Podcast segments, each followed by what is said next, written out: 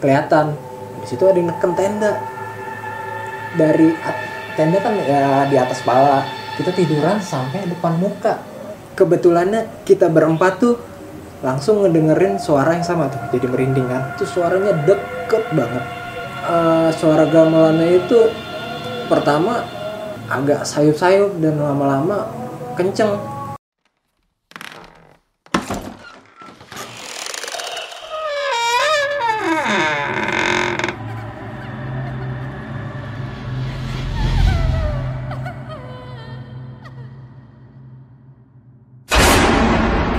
Assalamualaikum teman-teman, salam lestari buat kita semua.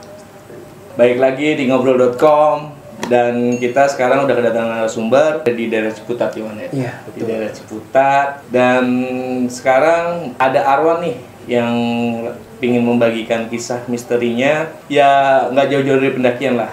Mungkin sekarang bisa dikenalin duluan ke teman-teman. Hai semua, Assalamualaikum warahmatullahi wabarakatuh Nama saya Arwan Udah lama gak ketemu kita Udah lama banget ya, Wan, ya? Iya Eh, nah Arwan ini kebetulan teman sangkatan gue di SMA ya, Wan. Iya. Teman sangkatan gue dan dia satu warga juga di Pecinta Alam Semesta Buana dan apa nih Wan? Kisi-kisi apa nih yang mau diceritain ke teman-teman di rumah tentang pendakian lu? Pendakian gue paling kisi-kisinya itu eh, suara Lebih ke suara gamelan sih Sama kondisi alam yang gak memungkinkan gitu Ya, Itu mah biasa ya Sama ada penampakan tangan Itu di Gunung Di Gunung Merbabu Merbabu. Nah, itu teman-teman. Sebelum lanjut ke cerita Arwan, buat kalian jika suka video ini bisa subscribe, like, komen, dan jangan lupa tongkrongin terus biar kalian tahu ceritanya si Arwan.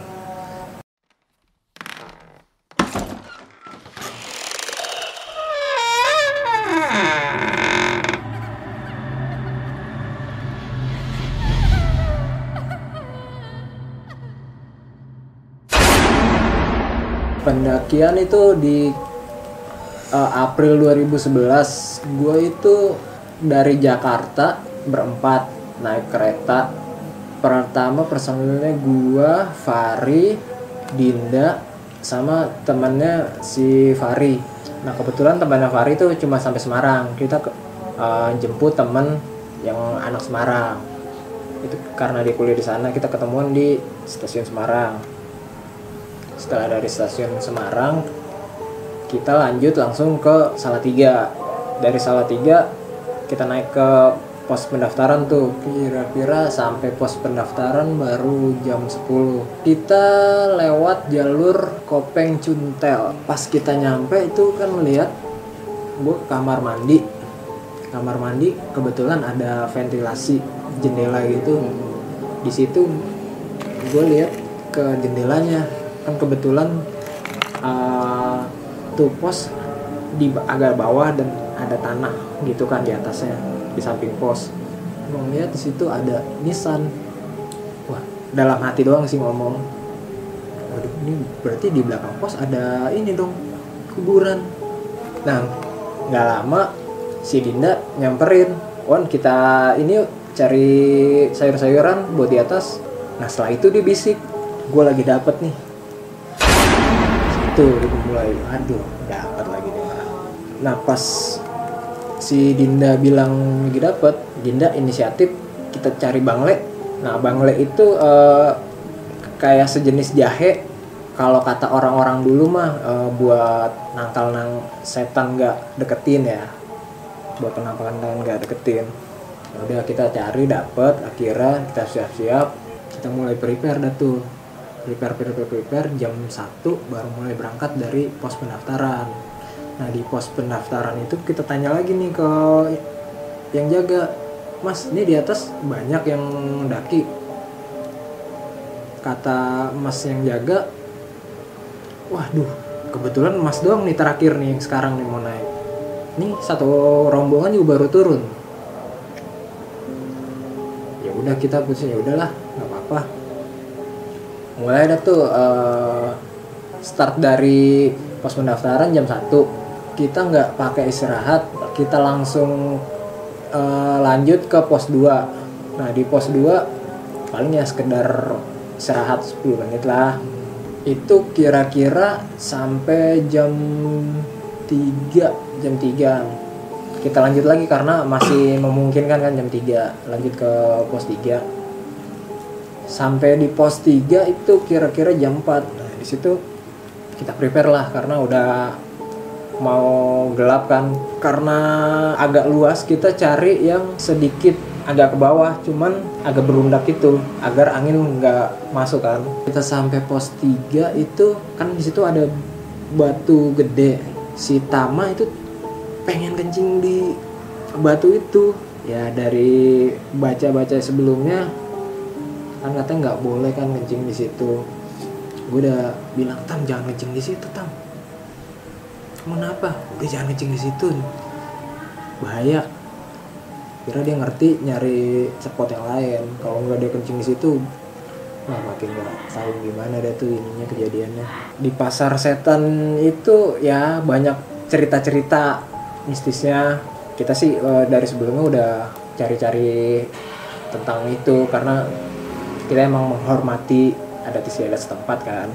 Di pos 3 itu kita ngecamp makan-makan jam sampai jam 9 tuh kita santai-santai. Setelah jam 9 kita berempat mutusin yaudah yuk kita tidur udah biar besok enak ba- bangun pagi submit baru masuk tenda dan narik sleeping bag. Kebetulannya kita berempat tuh langsung ngedengerin suara yang sama tuh jadi merinding kan kita berempat dengerin suara yang sama yaitu suara gamelan.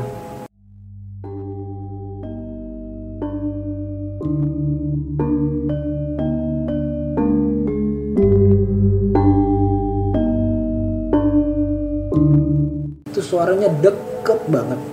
Dan di situ eh, suara gamelannya itu pertama agak sayup-sayup dan lama-lama kenceng.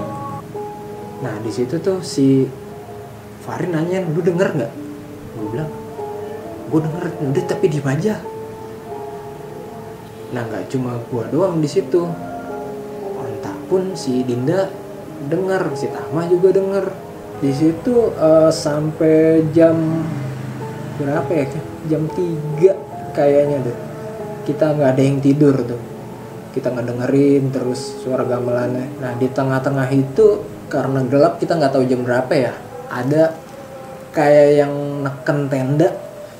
Karena di sekitar kan gelap di tenda itu terang otomatis kalau ada yang lewat pasti kan kelihatan. Di situ ada yang neken tenda.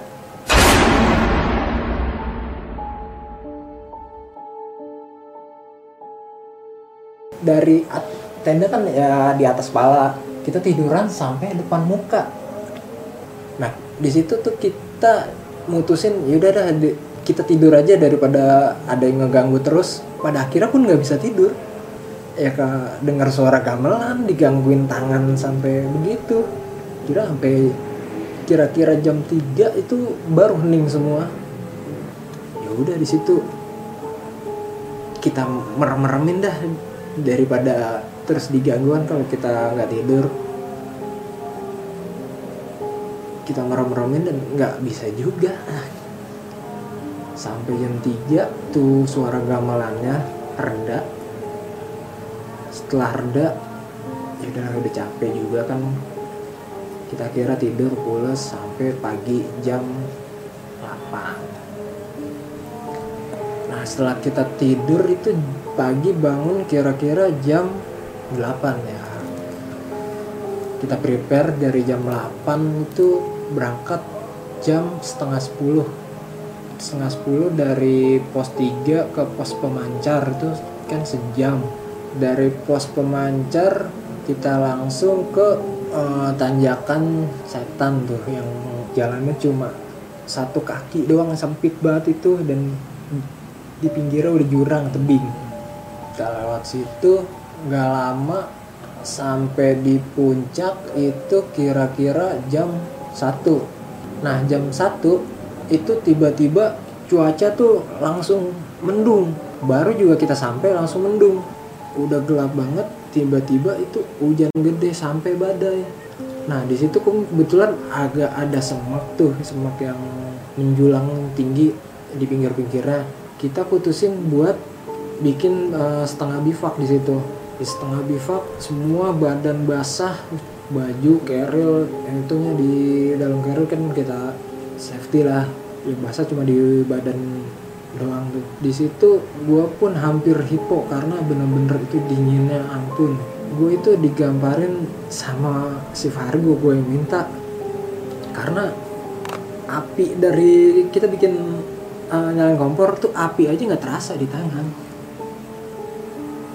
Akhirnya gamparin dah gamparin biar gua sadar gitu. Pas abis digamparin gua pun nggak berasa. Gamparin itu. Badai sampai berhenti itu kira-kira 45 menitan. Di puncak itu bener-bener kayak badannya langsung hilang. Langsung bener clear. Nah setelah eh, cuaca di puncak udah clear tuh enak kita foto-foto dulu. Di situ kita lama sekitar sejam kita foto-foto. Ya ngejemur baju juga kita sempet telanjang. Yang lakinya tuh Fari Tama pada buka baju semua ngejemur. Sambil ya foto-foto di situ kita habis itu turun. Nah Dinda ini sebetulnya dari awal dia di kereta dia nggak bilang dia udah dapet. Dia bilangnya ke si Fahri doang. Nah di situ sebetulnya yang bikin tanda kutip buat digangguin kan kita.